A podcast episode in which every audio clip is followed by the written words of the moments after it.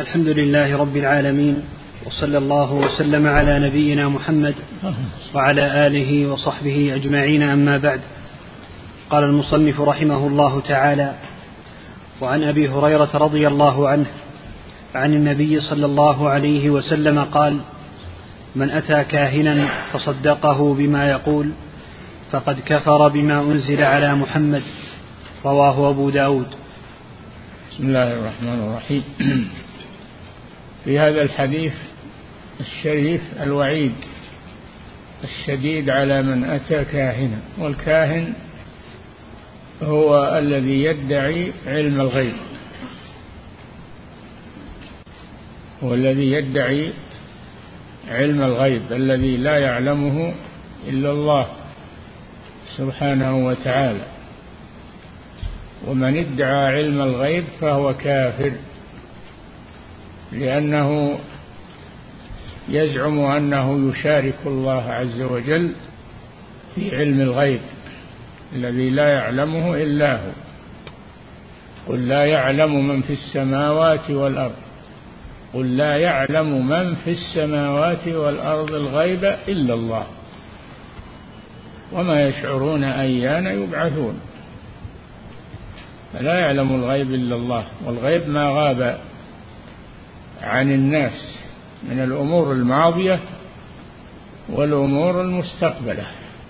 قال جل وعلا عالم الغيب فلا يظهر على غيبه أحدا إلا من ارتضى من رسول. فإن فإن الرسول قد يطلعه الله على شيء من الغيب من باب المعجزة له.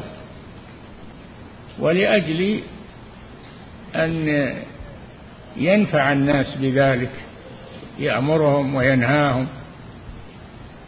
وما عدا الرسل فإن أحدا لا يعلم شيئا من الغيب. والكهان يدعون أنهم يعلمون الغيب. السبب في ذلك أن الشياطين تسترق السمع من كلام الملائكة في العنان يعني في الجو يسترقون الكلمة الواحدة من كلام الملائكة فيلقونها إلى الكهان فيكذب الكهان معها مئة كذبة وتصدق يصدق هذه الكذب كله بسبب كلمة واحدة سمعت من السماء.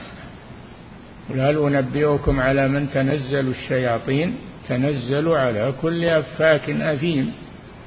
يلقون السمع وأكثرهم كاذبون أكثرهم. يكذب مع الكلمة التي سمعت من السماء مئة كذبة. فيصدقه الناس في هذا الكذب الكثير بسبب هذه الكلمة التي سمعت من السماء. وكان الكهان لهم رواج في الجاهلية. كل قبيلة تتخذ كاهنا يخبرها ويسألونه. يكون مرجعا لهم. فلما جاء الإسلام أرسل الله رسوله بالحق حرست السماء. حرست السماء بالشهب. ولهذا قالت الجن وأنا كنا نقعد منها يعني من السماء نقعد منها مقاعد للسمع. فمن يستمع الآن يجد له شهابا رصدا. لما كان قبيل البعثة كثر الرمي بالشهب في السماء. تعجب الناس من هذه الظاهرة. تعجب الناس من هذه الظاهرة. وإذا هي لأجل بعثة الرسول صلى الله عليه وسلم حرست السماء من الشياطين. نعم. وفي رواية أبي داود أو أتى امرأة قال مسدد امرأته حائضا أو أتى امرأة قال مسدد امرأته في دبرها وفي رواية أبي داود أو أتى امرأة قال مسدد امرأته امرأة أو أتى دبرها. أتى امرأة في دبرها. نعم. أو أتى امرأة قال مسدد امرأته في حائضا أو أتى امرأة قال مسدد امرأته في دبرها. مسدد بن مسرهد من الأئمة الحفاظ نعم. فقد برئ مما أنزل على محمد. من أتى امرأة حائضا. في رواية من أتى امرأة امرأته زوجته. من أتى امرأته في دبرها فقد برئ مما أنزل على محمد. برئ مما أنزل على محمد. هذا وعيد شديد. لأن الله جل وعلا قال نساؤكم حرث لكم فاتوا حرثكم أن شئتم. والحرث إنما هو في القبل لأنه محل الذرية والإنجاب. أما الإتيان في الزبر فإنه فساد ووسخ ولا يحصل به إنجاب ولا وجود ذرية. نعم. فناقل هذا الحديث من السنن حذف منه هذه الجملة واقتصر على ما يناسب الترجمة. نعم. قال المصنف رحمه الله تعالى وللأربعة والحاكم وقال صحيح على شرطهما عن من أتى حرافا من أتى عرافا أو كاهنا فصدقه بما يقول فقد كفر بما أنزل على محمد. من أتى عرافا العراف والكاهن سواء والذي يدعي شيئا من علم الغيب. فمن جاءه وسأله عن شيء من الغيب فقد كفر بما أنزل على محمد صلى الله عليه وسلم. وهذا وعيد شديد يفيد تحريم إتيان الكهان وسؤالهم تصديقهم ولو أتاهم وسألهم ولم يصدقهم فإنه آثم كما في صحيح مسلم من أتى كاهنا لم تقبل له من أتى كاهنا فسأله لم تقبل له صلاة أربعين يوما. نعم. الشرح هكذا بيض المصنف لاسم الراوي. المصنف الشيخ محمد بن عبد الوهاب مصنف كتاب التوحيد. نعم.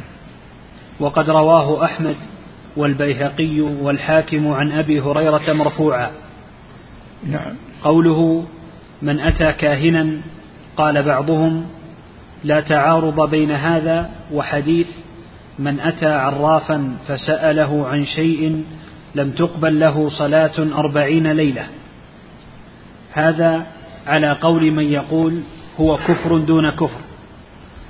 أما على قول من يقول بظاهر الحديث فيسأل عن وجه الجمع بين الحديثين. ظاهر الحديث أنه يكفر مطلقا.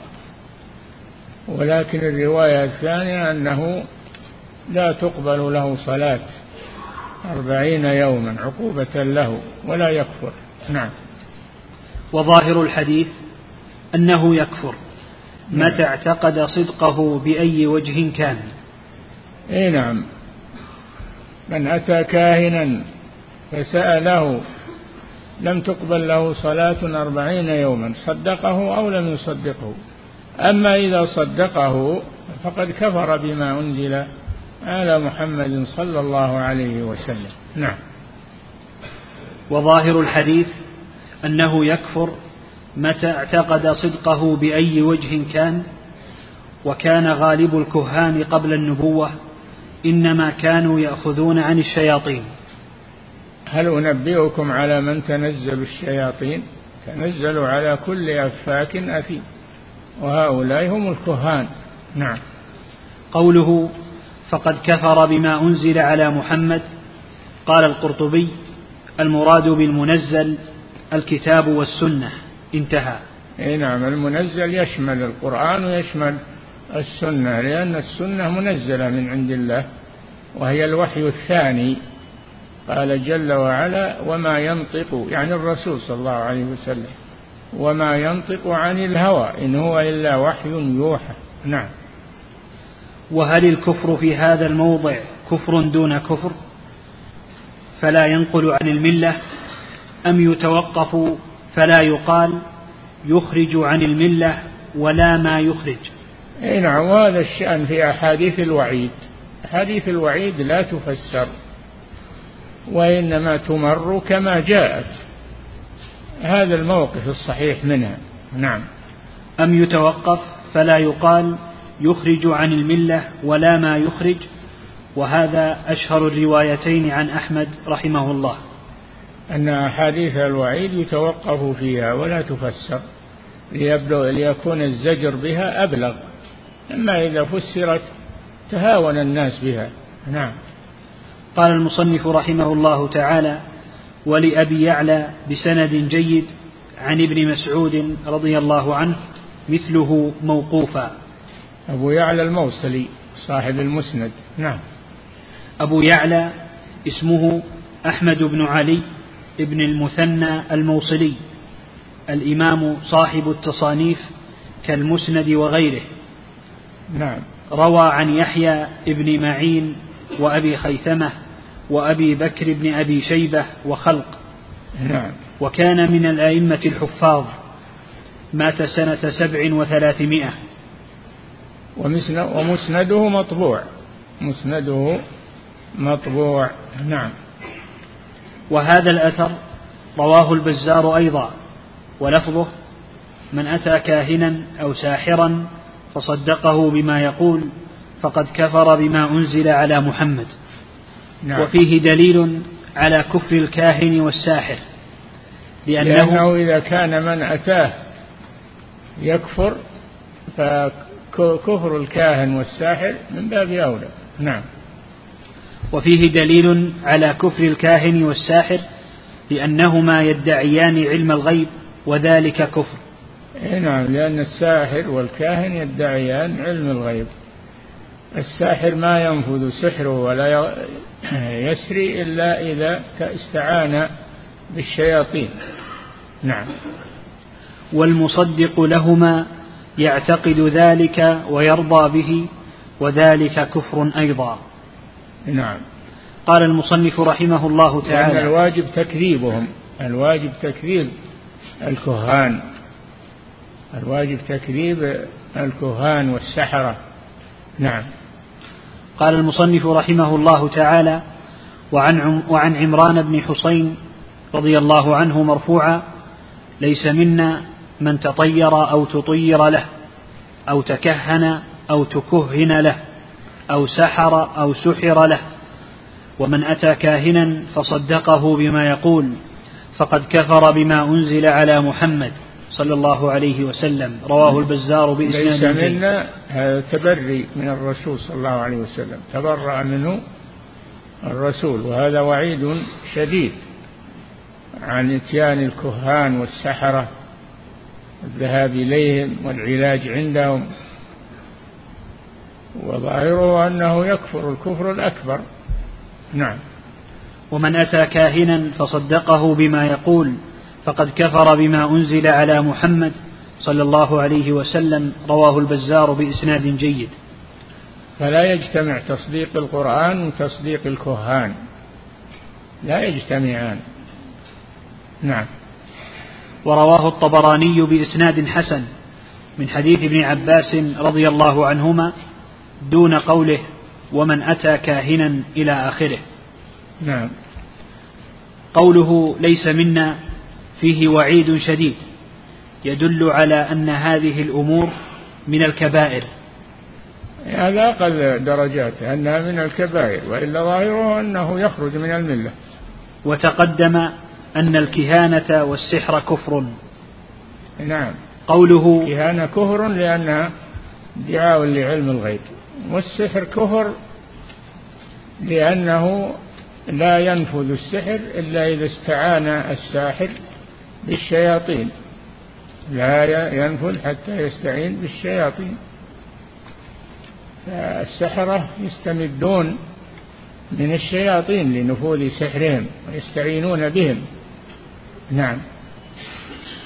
قوله من تطير أي فعل الطيرة. الطيرة هي التشاؤم. التشاؤم بالطيور. الطيرة هي التشاؤم بالطيور. وكانوا في الجاهلية يتشاءمون بالطيور في حال طيرانها شكل طيرانها اتجاهاتها. لا يتشاءمون بها فلذلك سميت الطيرة. وهذا كفر والعياذ بالله. نعم. قوله من تطير أي فعل الطيرة أو تطير له أو تطير له. سأل آه، سأل السحرة والكهان أن يتطيروا له وأن يخبروه عن ما يريد ويصدقهم لا يجوز التعامل مع هؤلاء ولا الذهاب إليهم ولا يجوز تركهم في المجتمع بل يجب إبعادهم عن المجتمع آه، أو إبادتهم. نعم. أو تطير له أي قبل قول المتطير له وتابعه. نعم. وكذا معنى أو تكهن أو تكهن له. كالذي يأتي الكاهن ويصدقه ويتابعه. وكذلك من عمل, من عمل الساحر له السحر. نعم. فكل من تلقى هذه الأمور عمن تعاطاها فقد برئ منه رسول الله صلى الله عليه وسلم. ليس منا. هذه براءة. نعم. لكونها إما شرك كالطيرة أو كفر كالكهانة والسحر. نعم. فمن رضي بذلك وتابع فهو كالفاعل لقبوله الباطل واتباعه. نعم. قوله رواه البزار هو أحمد بن عمرو بن عبد الخالق أبو بكر البزار البصري صاحب المسند الكبير. وروى عن ابن بشار وابن المثنى وخلق مات سنة اثنتين وتسعين ومائتين. هذه ترجمة البزار رحمه الله. نعم. قال المصنف رحمه الله تعالى قال البغوي العراف الذي يدعي معرفة الأمور بمقدمات يستدل بها على المسروق ومكان الضالة ونحو ذلك. البغوي هو الحسين. البغوي من كبار الأئمة وله تفسير جيد تفسير البغوي. نعم. ومرجع من مراجع التفسير. نعم. قال البغوي العراف الذي يدعي معرفة الأمور بمقدمات يستدل بها على المسروق ومكان الضالة ونحو ذلك. هذا العراف. نعم. وقيل هو الكاهن. نعم. والكاهن هو الذي يخبر عن المغيبات في المستقبل. نعم لأنه يستعين بالشياطين. نعم. وقيل الذي يخبر عما في الضمير. لأن الشياطين يطلعون على ما لا يطلع عليه الإنس لأنهم يطيرون ويذهبون بعيدا ويتلقون الأخبار المغيبة.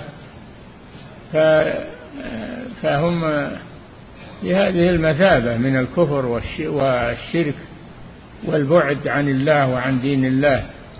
نعم. وقال أبو العباس ابن تيمية رحمه الله العراف اسم للكاهن والمنجم والرمال ونحوهم ممن يتكلم في معرفة الأمور بهذه الطرق. كلمة العراف تشمل الساحر وتشمل الكاهن وتشمل المنجم. نعم كل من يدعون شيئا من علم الغيب يطلق عليه أنه عراف. نعم وكان العرافون لهم رواج في الجاهلية عند القبائل يسألونهم ويستفتونهم. نعم. الشرح البغوي بفتحتين هو الحسين ابن مسعود بن الفراء الشافعي صاحب التصانيف وعالم أهل خراسان. كان ثقة فقيها زاهدا مات في شوال سنة ست عشرة وخمسمائة.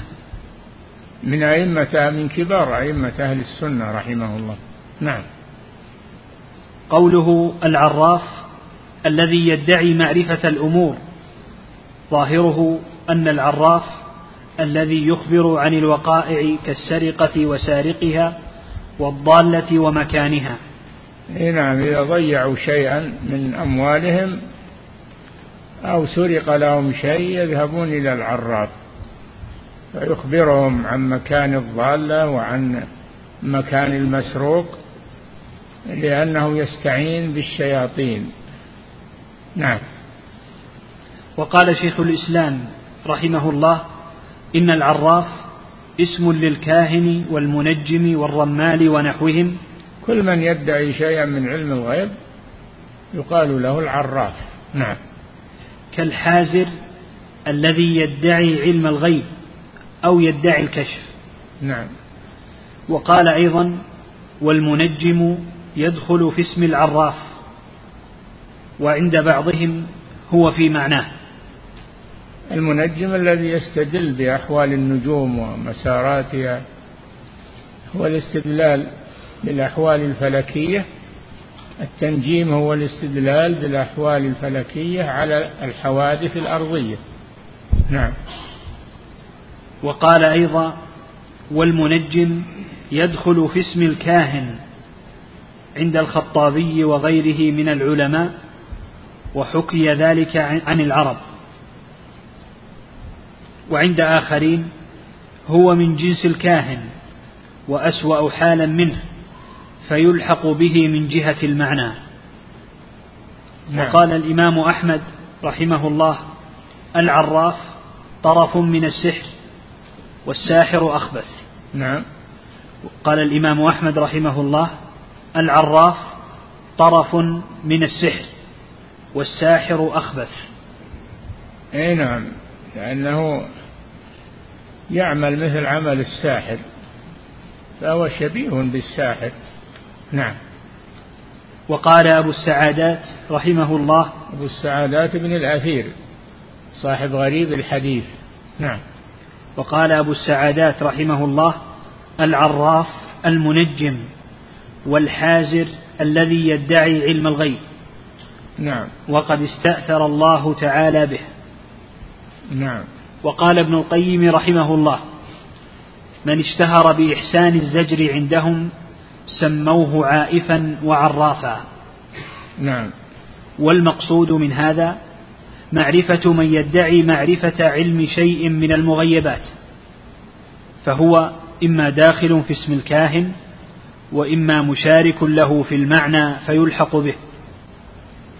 وذلك أن إصابة المخبر ببعض الأمور الغائبة في بعض الأحيان يكون بالكشف ومنه ما هو من الشياطين ويكون بالفأل والزجر والطيرة والضرب بالحصى والخط في الأرض والتنجيم والكهانة والسحر ونحو هذا من علوم الجاهلية.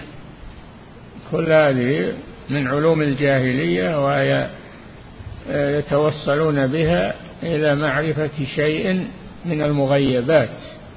نعم. ونعني بالجاهلية كل من ليس من أتباع الرسل عليهم السلام كالفلاسفة. الجاهلية كل من لم يتبع الرسل كالمشركين والكفار والفلاسفة الذين لا يدينون بدين. نعم. ونعني بالجاهلية كل من ليس من أتباع الرسل عليهم السلام. وهم في كل وقت ما هو خاص بالتي قبل الرسول صلى الله عليه وسلم جاهلية التي قبل بعثة الرسول صلى الله عليه وسلم. بل الجاهلية مستمرة مع الناس إلى أن تقوم الساعة. خصال الجاهلية موجودة تكون في بعض الناس. نعم. ونعني بالجاهلية. قال النبي صلى الله عليه وسلم لأبي ذر لما عير واحدا بأمه قال أعيرته بأمه إنك امرؤ فيك جاهلية. لأن الجاهلية هي التي تعير الناس بأنسابهم. نعم. ونعني بالجاهلية كل من ليس من أتباع الرسل عليهم السلام وكل ما نسب إلى الجاهلية فإنه محرم ومذموم مثل ظن الجاهل يظنون بالله غير الحق ظن الجاهلية حمية الجاهلية. كل ما نسب إلى الجاهلية فإنه محرم. نعم. ونعني بالجاهلية كل من ليس من أتباع الرسل عليهم السلام كالفلاسفة والكهان والمنجمين. نعم. وجاهلية العرب الذين كانوا قبل مبعث النبي صلى الله عليه وسلم كل ما نسب إلى الجاهلية فإنه محرم ومذموم حكم الجاهلية ظن الجاهلية حمية الجاهلية. نعم. فإن هذه علوم القوم ليس لهم علم بما جاءت به الرسل عليهم السلام. إنما كانوا يأخذون هذه الأمور عن الشياطين فهم مرجعهم ومردهم. أما أهل الإيمان فيأخذون دينهم ويأخذون آه يأخذون آه أيضا أمورهم عن الرسل عليهم الصلاة والسلام من الوحي المنزل عن الله عز وجل. فرق بين الفلاسفة وبين المسلمين في كل زمان. هؤلاء مرجعهم الشياطين والمسلمون مرجعهم الرسل عليهم الصلاة والسلام. نعم. وكل هذه الأمور يسمى صاحبها كاهنا وعرافا أو في معناهما. نعم. فمن أتاهم فصدقهم بما يقول لحقه الوعيد. نعم. وقد ورث هذه العلوم الذهاب إليهم سواء صدقهم أو لم يصدقهم ولكن إذا صدقهم فالأمر أشد. نعم. وقد ورث هذه العلوم عنهم أقوام فادعوا بها علم الغيب الذي استأثر الله بعلمه. يقول الشيخ تقي الدين رحمه الله وقد ورث وقد ورث هذه العلوم عنهم أقوام. نعم. فادعوا بها علم الغيب الذي استأثر الله بعلمه وادعوا أنهم أولياء وأن ذلك كرامة. يدعون أن هذا كرامة لهم وهذا ليس كرامة هذا خارق شيطاني. الكرامة هي التي تجري على يد رجل صالح. هذه الكرامة.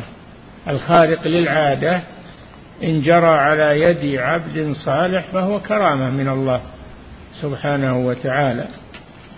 وإن جرى على عبد على يد عبد فاجر فهو خارق شيطاني. نعم.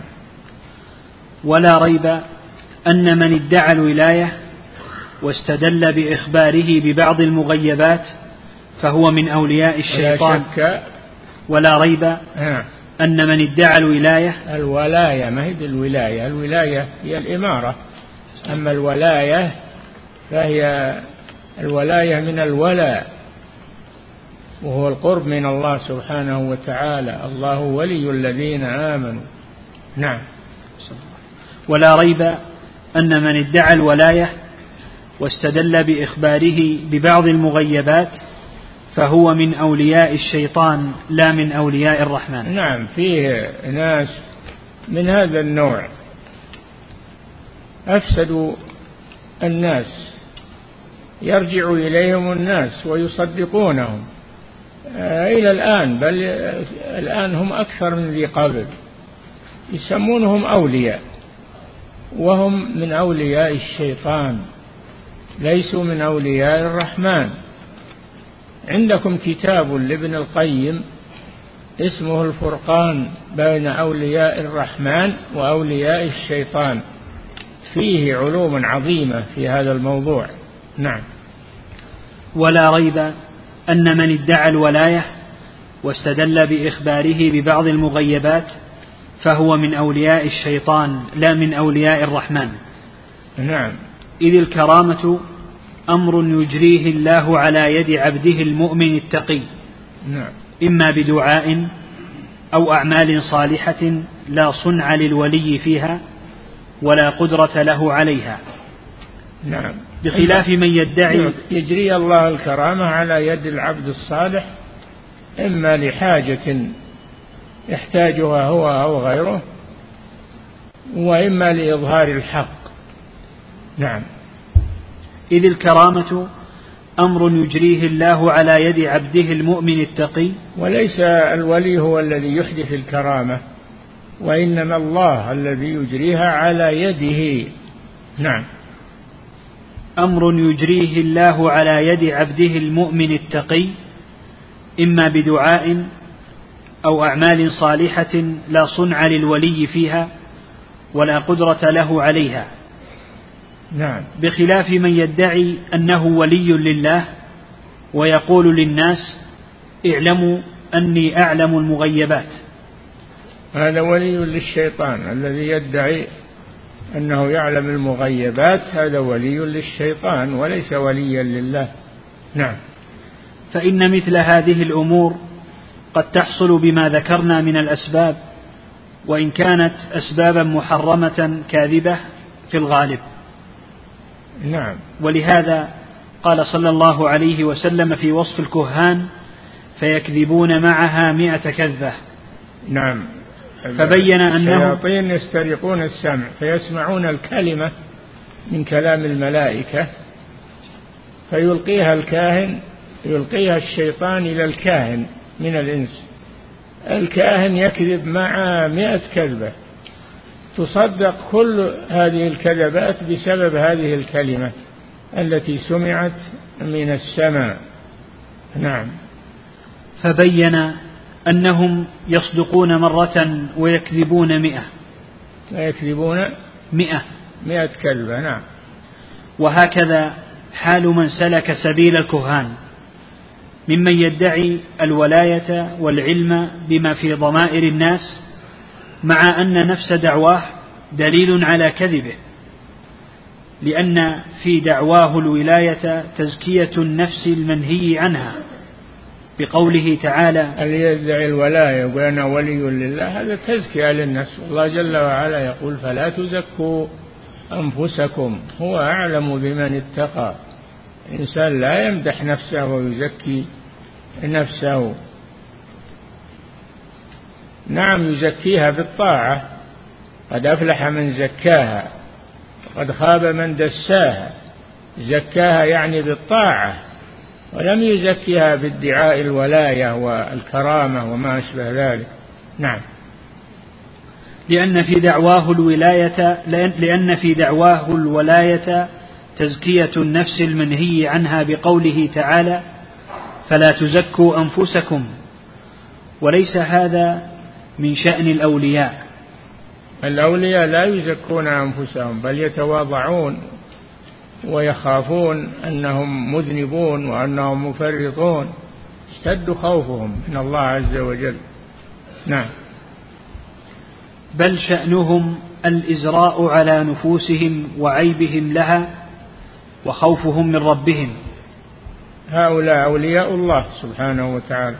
ولهذا قال الله جل وعلا ألا إن أولياء الله لا خوف عليهم ولا هم يحزنون. ثم بينهم من هم؟ الذين آمنوا وكانوا يتقون. هؤلاء هم أولياء الله. لا من ادعى لنفسه أنه ولي لله وهو ليس كذلك. نعم. بل شأنهم الإزراء على نفوسهم وعيبهم لها وخوفهم من ربهم. فكيف يأتون الناس يقولون اعرفوا أنا أولياء وأنا نعلم الغيب. وفي ضمن ذلك طلب المنزلة في قلوب الخلق واقتناص الدنيا بهذه الأمور. وهؤلاء أضل الناس أولياء الشيطان أضل الناس. ولهذا يغتر بهم كثير من الناس وبنوا على قبورهم أضرحة. يقولون هؤلاء أولياء بنوا على قبورهم مساجد. يقولون هؤلاء أولياء وهم أولياء للشيطان وليسوا أولياء لله سبحانه وتعالى. نعم. وحسبك بحال الصحابة والتابعين وهم سادات الأولياء رضي الله عنهم. الصحابة سادات الأولياء أكبر الأولياء صحابة رسول الله صلى الله عليه وسلم. وما ادعوا علم الغيب ولا طلبوا من الناس أنهم يطبلون لهم وأنهم يبنون عليهم مشاهد وأنهم رضي الله عنهم وأرضاهم. نعم. وحسبك بحال الصحابة والتابعين وهم سادات الأولياء رضي الله عنهم أفكان عندهم من هذه الدعاوى والشطحات شيء؟ لا والله لا ليس عندهم من هذه الدعاوى والشط بل كانوا يلومون أنفسهم وينكسرون أمام ربهم ويتواضعون. ويخافون من الله سبحانه وتعالى. نعم. أفكان عندهم من هذه الدعاوى والشطحات شيء؟ لا والله. بل كان أحدهم لا يملك نفسه من البكاء إذا قرأ القرآن. نعم. كالصديق رضي الله عنه. وكان عمر الصديق رضي الله عنه كان يصلي بالناس ولا يستطيع أن يقرأ من البكاء. كان إذا قرأ بكى عليه رضي الله تعالى عنه. نعم. وكان عمر رضي الله عنه يسمع نشيجه من وراء الصفوف يبكي في صلاته. نعم. وكان يمر بالآية في ورده من الليل فيمرض منها ليالي يعودونه. نعم. وكان تميم الداري رضي الله عنه يتقلب في فراشه لا يستطيع النوم إلا قليلا. خوفا من النار ثم يقوم إلى صلاته. هؤلاء الصحابة نعم. ويكفيك في صفات الأولياء. ما ذكره الله تعالى في صفاتهم في سورة الرعد والمؤمنين والفرقان والذاريات والطور. نعم. المتصفون بتلك الصفات. نعم. هم الأولياء الأصفياء. نعم. لا أهل الدعوى والكذب. قد أفلح المؤمنون الذين هم في صلاتهم خاشعون. إلى قوله تعالى والذين هم على صلواتهم يحافظون. أولئك هم الوارثون الذين يرثون الفردوس. هم فيها خالدون. هذه صفاتهم. ذكرها الله في سورة المؤمنون وفي سورة المعارج. إلا المصلين الذين هم على صلاتهم دائمون. إلى قوله تعالى والذين هم على صلاتهم يحافظون نعم. فالمتصفون بتلك الصفات هم الأولياء الأصفياء. لا أهل الدعوى والكذب ومنازعة رب العالمين فيما اختص به من الكبرياء والعظمة وعلم الغيب. نعم هؤلاء أولياء. ولكنهم أولياء للشيطان. أولياء للشيطان لا للرحمن. نعم. بل مجرد دعواه علم الغيب كفر. نعم. فكيف يكون المدعي لذلك وليا لله؟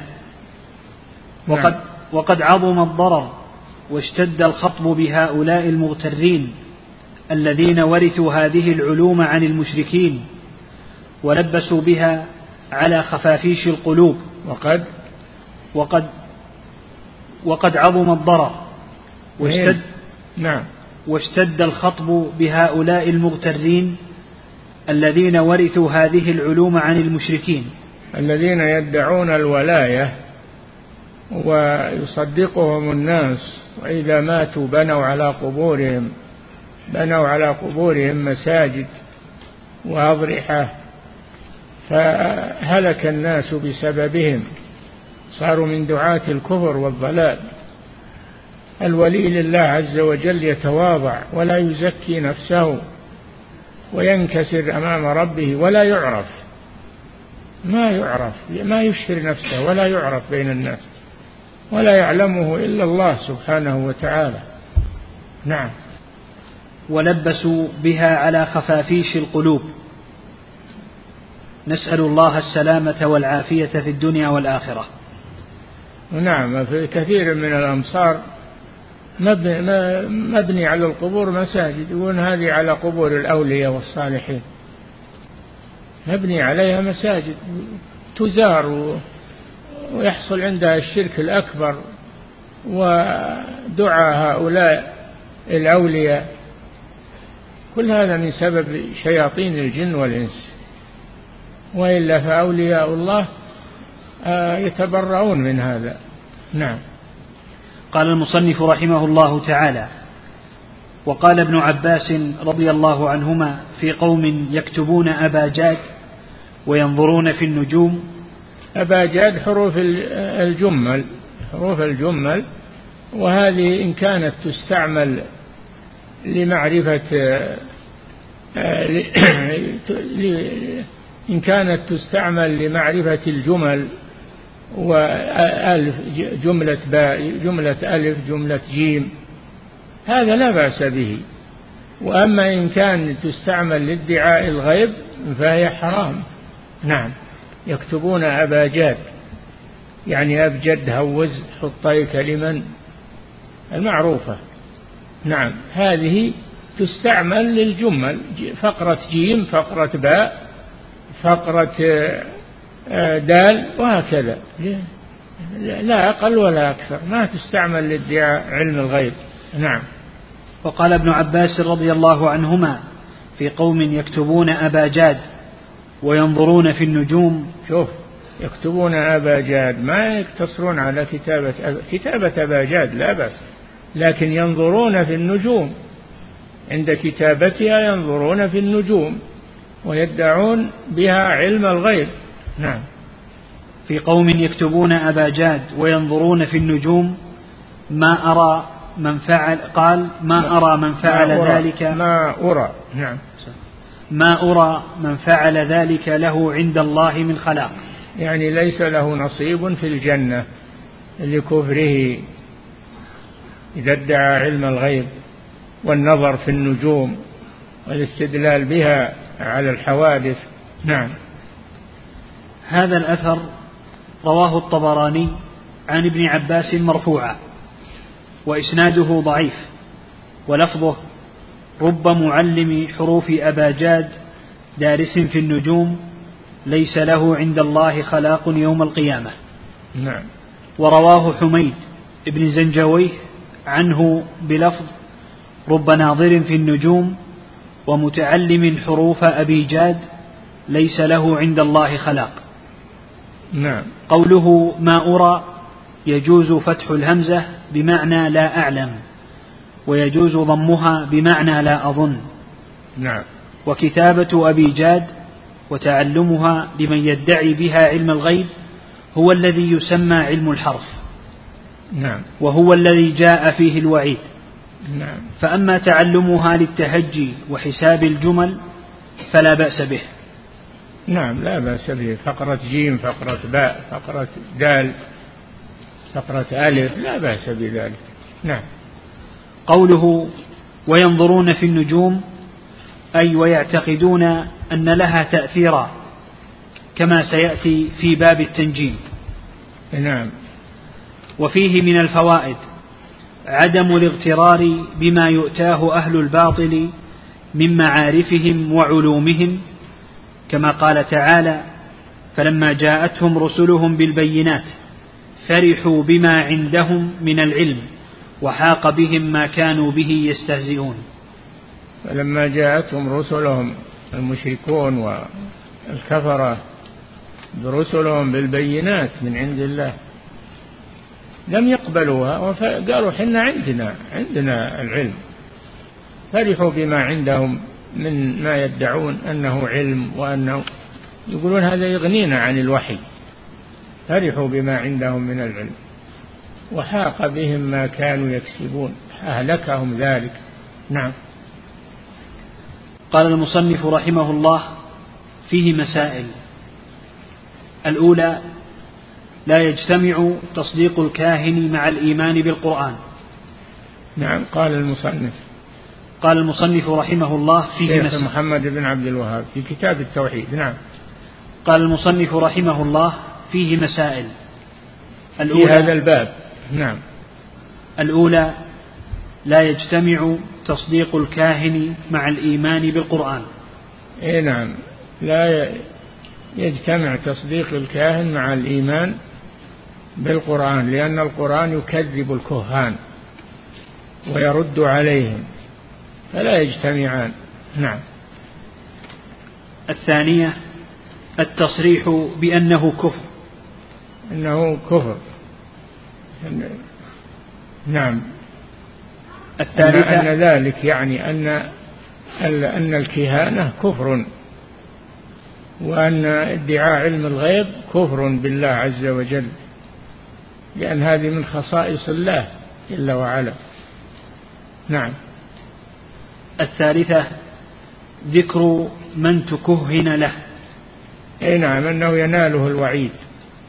هو ما تكهن لكن طلب من الكاهن أن يتكهن له. فهذا تبرأ منه الرسول صلى الله عليه وسلم لأنه رضي بالكهانة وصدقها. نعم.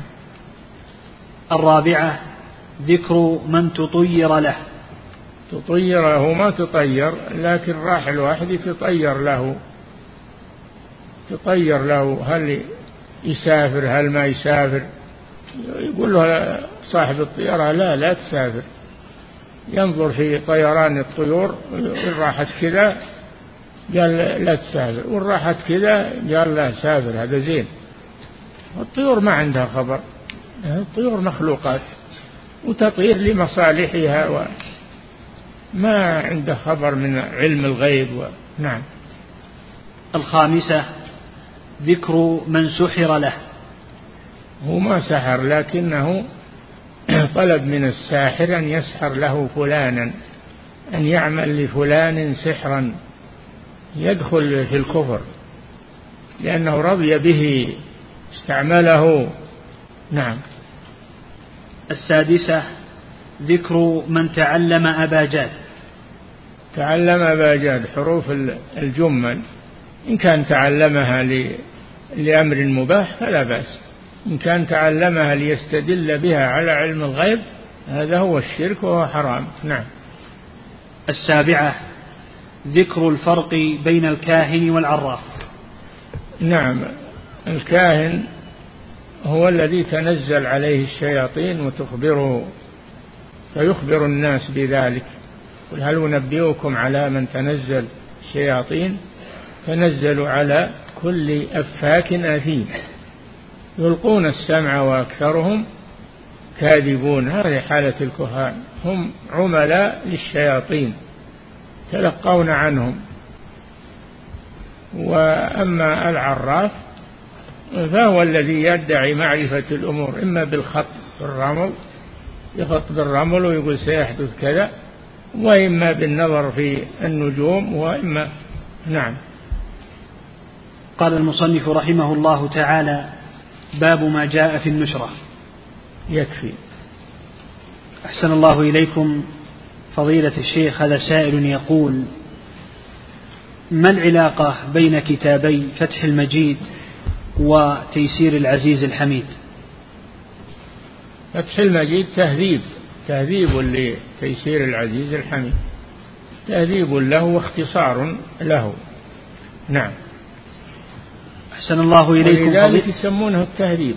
ما يعني الأولون يسمونه التهذيب. كتاب التهذيب. نعم. أحسن الله إليكم فضيلة الشيخ. هذا سائل يقول هل هناك فرق في الحكم بين من أتى إلى الكاهن وهو مصدق لما يقول وبين من يأتيه وهو غير مصدق؟ ليش يروح له؟ لأنه مصدق مش يبيبه يروح له. إلا أنه مصدق له. فلا يجوز الذهاب إلى الكهان. نعم. أحسن الله إليكم فضيلة الشيخ. هذا سائل يقول من أتى كاهنا إن كان جاهلا بالحكم فهل نقول أنه يكفر بذلك؟ يبين له يبين له فإذا استمر على إتيان الكهان بعد البيان فإنه يحكم بكفره. نعم. أحسن الله إليكم. فضيلة الشيخ هذا سائل يقول هل من صدق هل من أتى الكاهن وصدق وصدق كلمة أو كلمتين مما يقول؟ هل يكفر؟ كله سواء تصديق الكائن سواء كان كثيرا أو قليلا كله كفر. نعم. أحسن الله إليكم فضيلة الشيخ هذا سائل يقول حضرت مجلسا لعرافة وأنا صغير لا أدري وسمعت حديثها وقد ندمت بعد ذلك فهل أكون الآن مصدقا بما قالت؟ لا أنت تقول إن أني الآن كذبتها وبرئت منها الحمد لله. نعم. أحسن الله إليكم فضيلة الشيخ هذا سائل يقول إذا كان الكاهن يعلم بالأمور المستقبلية باستعانته بالشياطين فهل فهل يعني أن الشياطين تعلم تعلم الأمور المستقبلية؟ يا أخي الشياطين الكهان يتلقون عن الشياطين. والشياطين تعلم ما لا يعلمه الإنس فيتلقون منهم فهم يأخذون علومهم عن الشياطين وهذا كفر بالله عز وجل الشياطين يؤخذ عنهم العلم أو يوثق بهم لا يثق بهم أهل الإيمان نعم أحسن الله إليكم فضيلة الشيخ هذا سائل يقول ما وجه كون الطيرة شركا؟ لأنها سوء ظن بالله عز وجل. يسيء الظن بالله عز وجل ويدعي أنه سيحدث له كذا. هذا من ادعاء علم الغيب. نعم. أحسن الله إليكم. فضيلة الشيخ هذا سائل يقول هل الشعوذة تعتبر كفرا أكبر؟ نعم. يقول هل الشعوذة تعتبر كفرا أكبر؟ أي نعم الشعوذة نوع من الكهانة من عمل الشيطان. لا يجوز يستعمل الشعوذة أو يصدقها نعم. أحسن الله إليكم فضيلة الشيخ هذا سائل يقول سواء سميتها كهانة أو سميتها شعوذة المعنى واحد. نعم. أحسن الله إليكم فضيلة الشيخ هذا سائل يقول ما وجه كون الكهانة والسحر كفرا؟ لأنها ادعاء لعلم الغيب الذي لا يعلمه إلا الله عز وجل. نعم. أحسن الله إليكم فضيلة الشيخ هذا سائل يقول في الحديث من أتى امرأة في دبرها فقد برئ مما أنزل على محمد صلى الله عليه وسلم. هل الذي يفعل هذا يكفر؟ هذا وعيد هذا وعيد وعيد شديد. وإن استباحه إن استباح الإتيان امرأة في الدبر فهو كافر وإن لم يستبحه فهو عاصي فاعل لكبيرة من كبائر الذنوب. نعم. أحسن الله إليكم فضيلة الشيخ هذا سائل يقول ما حكم تعلم علامات النجوم ومحلاتها؟ تعلم حساب النجوم لأجل الحساب فقط لا بأس. معرفة الفصول وأوقات الزراعة وأوقات البذور وأوقات الحر وأوقات البرد هذا لا بأس به. هذا الحساب. لتعلموا عدد السنين والحساب وكل شيء فصلناه تفصيلا هذا لا بأس به. نعم. أحسن الله إليكم فضيلة الشيخ هذا سائل يقول وهذا يسمى علم التسيير. تعلم حساب الشمس والقمر والفصول والنجوم هذا علم التسيير مباح. أما علم التأثير هذا هو المحرم أن النجوم تأثر وأن الشمس والقمر تأثر في الكون هذا علم التأثير هذا هو الشرك. نعم. أحسن الله إليكم. فضيلة الشيخ هذا سائل يقول من كان يستدل بالنجوم ويعتقد أنها هي التي تكون سببا في إنزال المطر. هل هل يكفر بذلك؟ نعم يكفر بذلك لأنه نسب إلى النجوم أنها هي اللي تنزل المطر. والله جل وعلا يقول وهو الذي ينزل الغيث من بعد ما قنطوا وينشر رحمته وهو الولي الحميد. ويقول جل وعلا أفرأيتم الماء الذي تشربون؟ أنتم أنزلتموه من المزن أم نحن المنزلون؟ الله هو الذي ينزل الغيث ولا ينزله أحد. نعم. أحسن الله إليكم فضيلة الشيخ. هذا سائل يقول هل كل التنجيم حرام؟ يا أخي اللي يستدل بالنجوم على الحساب لا بأس به. وقت البذور وقت الزراعة ووقت الفصول لا بأس به. هذا علم التسيير. وأما الذي يستدل بها على الحوادث فهذا هو الكفر. وهذا علم التأثير أنها تؤثر بالكون. نعم. أحسن الله إليكم فضيلة الشيخ. هذا سائل يقول هل يكفر الكاهن دون إقامة الحجة عليه؟ لا بد من ما يكفر أحد إلا بعد إقامة الحجة عليه أنه يكون جاهلا ولا يدري أو شاف الناس على هذا وظن أنه مباح فلا بد. وما كنا معذبين حتى نبعث رسولا تقام عليه الحجة. نعم. أحسن الله إليكم فضيلة الشيخ هذا سائل يقول صلة الأرحام الذين يتطيرون ويذهبون إلى الكهان والسحرة؟ هل أصلهم؟ لا. إذا نصحتهم ولم يمتثلوا ولم يتركوا هذا فابتعد عنهم ولا تصلهم. أما إذا قبل أن تنصحهم وقبل أن تبين لهم فأنت آه، تعمل السبب في هدايتهم وإن اهتدوا فالحمد لله ولك الأجر. من دل على هدى كان له من الأجر مثل أجر من تبعه وإن لم يهتدوا فأنت أقمت الحجة عليهم وأبرأت ذمتك. نعم. أحسن الله إليكم فضيلة الشيخ هذا سائل يقول هل حكم الفلاسفة كحكم السحرة والكهان وأنهم يقتلون؟ الفلاسفة إذا دعوا إلى الله ولم يقبلوا يقتلهم ولي الأمر. ما هو كل يقتلهم لا. هذا حكم شرعي ما ينفذه على الحدود ما ينفذه إلا ولاة الأمور. نعم. أحسن الله إليكم فضيلة الشيخ. هذا سائل يقول الذين يدعون معرفة أماكن السحر من الكهان أو العرافين هل يستعان بهم؟ لا. ما يستعان بهم. مغنيك الله بالقرآن والأدعية والورد صباحا ومساء وصلاة الصلوات لا سيما صلاة الفجر وصلاة العصر.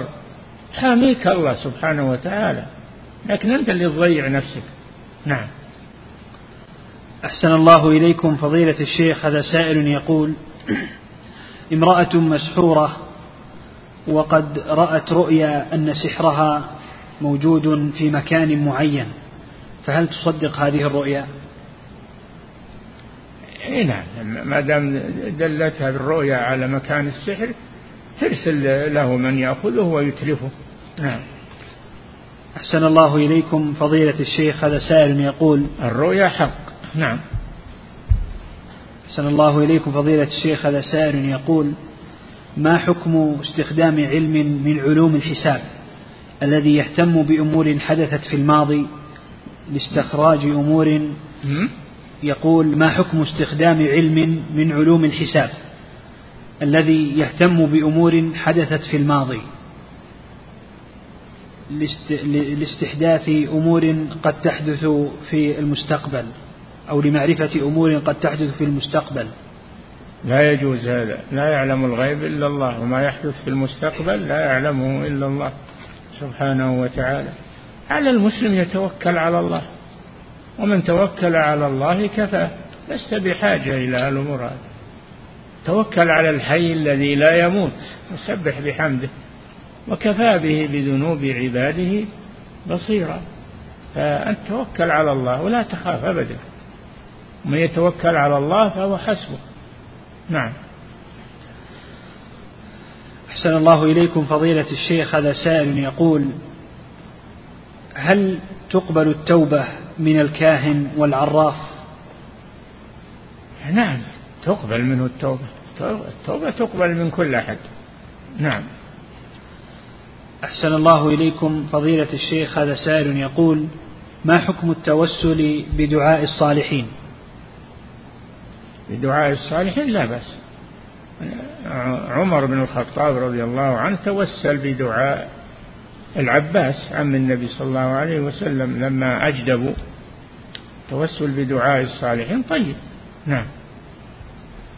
أحسن الله إليكم فضيلة الشيخ. هذا سائل يقول رأيت في إحدى المواقع في إحدى مواقع الأخبار امرأة تخبر بالمستقبل وما سيحدث. فقراءتي لهذا الكلام هل آثم بذلك؟ إي نعم لا لا تطلع على هذه الشبكات وهذه ربما تتأثر بها أو تصدقها. ابتعد عنها عافيك الله منها وأخرجها من بيتك لا تتركها في بيتك. هذه مثل النار لا تركتها في بيتك تحرق نعم. أحسن الله إليكم فضيلة الشيخ هذا سائل يقول قوله صلى الله عليه وسلم ليس منا هل هذا إخراج من الملة؟ وعيد هذا وعيد ولا يفسر يمر ولا يفسر هذا هو القول الصحيح. فيه نعم. أحسن الله إليكم فضيلة الشيخ هذا سائل يقول ما صحة الرواية عن الإمام أحمد رحمه الله؟ أن الساحر لا يستتاب. نعم ما هو بس الإمام أحمد.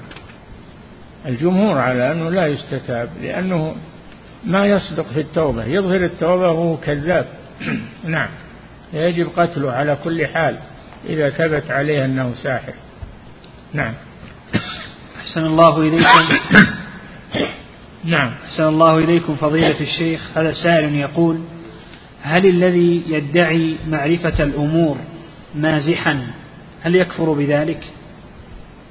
ما يسلم ما يسلم بذلك. ليش يمزح بهذه؟ هذه ما يمزح فيها. نعم.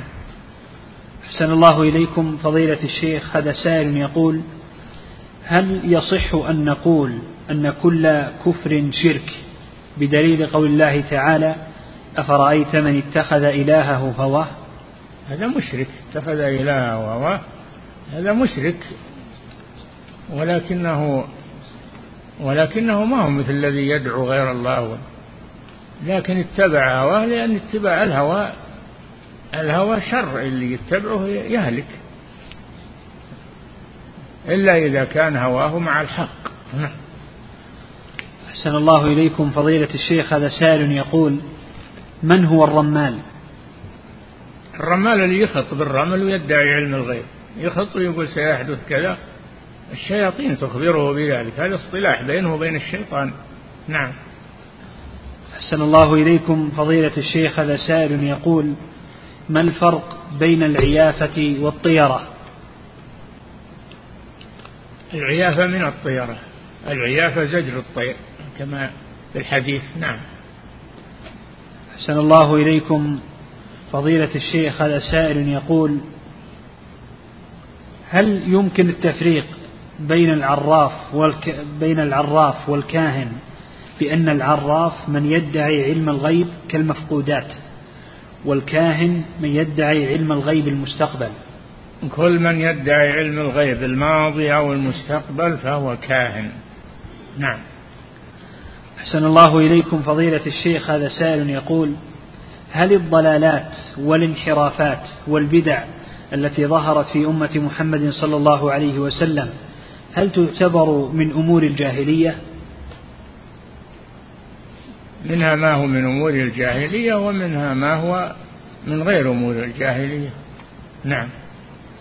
أحسن الله إليكم فضيلة الشيخ هذا سائل يقول ما صحة هذه العبارة؟ القول بأن الجاهلية قد انتهت ببعثة الرسول صلى الله عليه وسلم. ما يقول هذا أحد من أهل العلم. الجاهلية باقية. الجاهلية باقية ولا انتهت. ولكن قد يكون في الإنسان شيء من خصال الجاهلية وقد يكون سالما منها. الحمد لله. نعم. إلا الجاهلية باقية. نعم. أحسن الله إليكم. فضيلة الشيخ هذا سائل يقول هل هناك فرق بين الساحر والمشعوذ؟ المشعوذ هو الساحر. نعم. أحسن الله إليكم. فضيلة الشيخ هذا سائل يقول هل الفراسة منهي عنها وداخل في في الكهانة والعرافة ونحوها؟ لا الفراسة ما ما هو منهي عنها. إن في ذلك لآيات للمتوسمين. هذه هي الفراسة. وهذه خصلة يجعلها الله ببعض الناس. والقافة الذين ينظرون في الأثر والذين يعرفون يعرفون الأشباه أشباه الناس. هذه من الفراسة. نعم. أحسن الله إليكم فضيلة الشيخ. هذا سائل يقول ما الفرق بين الفراسة والكهانة والعرافة؟ الفرق واضح. الكهانة والعرافة من عمل الشيطان والفراسة هذه من الله جل وعلا يجعلها في بعض الناس. نعم. إن في ذلك لآيات للمتوسمين. نعم. أحسن الله إليكم فضيلة الشيخ هذا سائل يقول هل تقول إن القافة اللي يعرفون الأثر والشبه تقول إنهم من الكهان؟ لا هذه فراسة. نعم. أحسن الله إليكم فضيلة الشيخ هذا سائل يقول من سحر له وهو لا يعلم فهل عليه شيء؟ إذا صار ما يعلم ما عليه شيء. نعم. أحسن الله إليكم فضيلة الشيخ هذا سائل يقول كتابة ما شاء الله تبارك الله على السيارة هل هو شرك أصغر لا ما هو بشرك أصغر لكن لا لا يعمل الشيء هذا. ذكر الله بالقلوب وباللسان وبالأعمال لا يكون بالكتابة على الجدران ولا على السيارات ولا ما ينفع هذا ما, ما هو بذكر لله عز وجل. ذكر الله يكون باللسان وبالقلب وبالأعمال الصالحة. نعم. أحسن الله إليكم. فضيلة الشيخ هذا سائل يقول بل الكتابة على السيارة أو على الجدار هذا من اتخاذ الحروز. هذا من اتخاذ الحروز. نعم. أحسن الله إليكم. فضيلة الشيخ هذا سائل يقول قلتم بالأمس أنه من يجتنب الشرك الأكبر وارتكاب كبائر الذنوب حقق التوحيد الكامل. فهل معنى ذلك أن من يرتكب المعاصي لا يحقق معنى التوحيد الكامل؟ أي نعم اللي عنده ذنوب ومعاصي ناقص توحيده. ما حق التو... تحقيق التوحيد كماله كمال التوحيد. هذا تحقيق التوحيد. نعم. أحسن الله إليكم فضيلة الشيخ. هذا سائل يقول سمعت من بعض العلماء أنه لا يجوز التبرك بجدار الكعبة وبعضهم يقول أن ذلك جائز فما الراجح في ذلك؟ المشروع في الكعبة الطواف بها والصلاة إليها هذا المشروع في الكعبة. وأما التعلق بها والتمسح بها هذا غير مشروع. نعم. أحسن الله إليكم. فضيلة الشيخ هذا سائل يقول يوجد في فرنسا اختلاف في أوقات الصلوات خاصة في العشاء والفجر ونحن مقبلون على شهر رمضان ونخشى الفتنة والافتراق. هل نتبع تقويم المجمع الفقهي أو تقويم المسجد الكبير بباريس؟ راجعوا المركز الإسلامي عندكم. المركز الإسلامي عندكم. وهو يحتاط يعمل ما يجب. نعم. أحسن الله إليكم. فضيلة الشيخ هذا سائل يقول هل يجتمع الحب والبغض لأهل البدع الذين بدعتهم ليست مكفرة؟ يجتمع الحب والبغض في المؤمن الذي عنده معاصي يحب من ما لما فيه من الطاعة ويكره لما فيه من المعصية. نعم.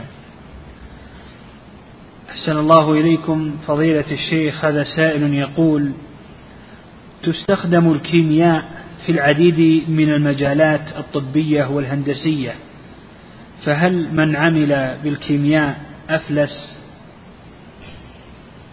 اللي يترزق منها ويعتبرها مصدر رزق له هو المفلس. نعم.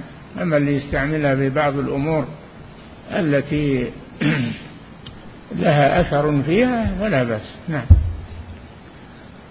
أحسن الله إليكم فضيلة الشيخ. هذا سائل يقول هل الرد يكون في القول نفسه أم على القائل؟ يرد القول الباطل وينبه القائل به ليرجع عنه. نعم. أحسن الله إليكم. فضيلة الشيخ هذا سائل يقول طلبت من أحد المطاعم طلبا وكان رقمي بعيدا فأعطيت عامل النظافة عشرة ريالات ليأتي بالطلب فهل هذه رشوة؟ إي نعم عامل العامل الذي يعمل في المطعم إذا أعطيته هذه رشوة يقدمك على غيرك من المستحقين. نعم. أحسن الله إليكم فضيلة الشيخ هذا سائل يقول هل تجو هل يجوز الجهر بالقراءة في صلاة النافلة بالليل والنهار؟ نهار لا سري وإنما بالليل نعم نعم. أحسن الله إليكم فضيلة الشيخ هذا سائل يقول هل يجوز التوظف في شركة للأفلام المتحركة وأكتب الحوار فيها وفيها إيه؟ يقول بعض الموسيقى إيش؟ يقول هل يجوز التوظف في شركة للأفلام المتحركة توظف الوظيفة توظف إيه؟ هل يجوز التوظف في شركة للأفلام المتحركة وأكتب الحوار فيها. ويقول علما أن فيها بعض الموسيقى. ابتعد عنها. ما بس الموسيقى يبي يصير فيها أشياء غير الموسيقى. ابتعد عنها. نعم. أحسن الله إليكم فضيلة الشيخ. هذا سائل يقول ماذا يجب على المسلم إذا أدرك نزول المهدي أو الدجال؟ يسأل ذاك الوقت. نعم. أحسن الله إليكم فضيلة الشيخ هذا سائل يقول هل عقد الزواج في المساجد يعتبر من التشبه بأهل الكتاب؟ لا مشروع في المسجد مشروع في المسجد. عقد الزواج بعد العصر في المسجد هذا مستحب. نعم. أحسن الله إليكم فضيلة الشيخ هذا سائل يقول كيف الجمع بين قول أن الذهب المستعمل لا زكاة فيه وبين حديث الرسول صلى الله عليه وسلم للمرأة أتريدين أن يسورك الله بسوار من نار؟ نعم. هذا حجة من يرى وجوب الزكاة في الحلي المستعمل والجمهور على أنه لا زكاة فيه لأنه لم يعد للنماء. وإنما أعد للاستعمال والزكاة إنما تجب في الأموال التي تعد للنمى والزيادة. نعم. أحسن الله إليكم. فضيلة الشيخ هذا سائل يقول ما حكم لبس خاتم الألماس للرجال؟ ما عدا الذهب لا بأس. ما عدا الذهب يلبس ما شاء. نعم. أحسن الله إليكم. فضيلة الشيخ هذا سائل يقول إذا كان الإمام في التشهد الأخير هل أصلي معه أم مع الجماعة الثانية؟ إذا كنت تعلم أنه بيجي ناس انتظرهم وصل معهم. إذا كنت ما تعلم أنه بيجي أحد ادخل مع الإمام فيما بقي لتحصل على الأجر المتابعة نعم. أحسن الله إليكم. فضيلة الشيخ هذا سائل يقول كيف يكون الزهد بالدنيا؟ الزهد بالدنيا ترك ما, ما لا تحتاجه. ترك ما لا تحتاجه. أما الذي تحتاجه هذا ما, ما في شيء. نعم. أحسن الله إليكم. فضيلة الشيخ هذا سائل يقول قد دفعت زكاة المال لجدتي منذ مدة طويلة وعلمت أنه لا يجوز. دفعت؟ يقول دفعت زكاة المال لجدتي نعم. منذ مدة طويلة. أي وعلمت أنه لا يجوز. أي فيقول فما العمل؟ العمل تطلع بداله. بدال اللي أعطيت جدك طلع بداله. الآن تعطيها الفقراء. نعم. أحسن الله إليكم فضيلة الشيخ. هذا سائل يقول ما حكم لبس قبعة التخرج للبنات؟ في حفل المدرسة الختامي. لا البنات ما تلبس قبعات ما هم من لباس النساء هذا. وحتى الرجال ما هم من لباسهم القبعات. قبعات ما هي من لباس هذه البلاد خاصة. نعم. أحسن الله إليكم فضيلة الشيخ. هذا سائل يقول بعض الجهات التعليمية عند ختمة الطالبات للقرآن ما يقول بعض الجهات التعليمية إيه. عند ختمة الطالبات للقرآن يلبسونهن تاجا ذهبيا ويدعون دعاء ختمة القرآن. فما حكم هذا العمل؟ حكم هذا العمل أنه لا يجوز يعني أنهم يلبسونها هذا اللباس الذي هو خاص عندهم بختم القرآن. ما يجوز هذا ما لختم القرآن لباس خاص ولا زي خاص. نعم. أحسن الله إليكم فضيلة الشيخ وهذا سائل يقول ما قول أهل السنة في الجمع بين الخوف والرجاء والمحبة؟ أي نعم لابد من هذه الأمور الثلاثة. هذه من أعمال القلوب الخوف والرجاء والمحبة لله هذه أعمال القلوب. وعليها تدور أعمال العبادة كلها. نعم. انتهى. الله تعالى أعلم وصلى الله وسلم على نبينا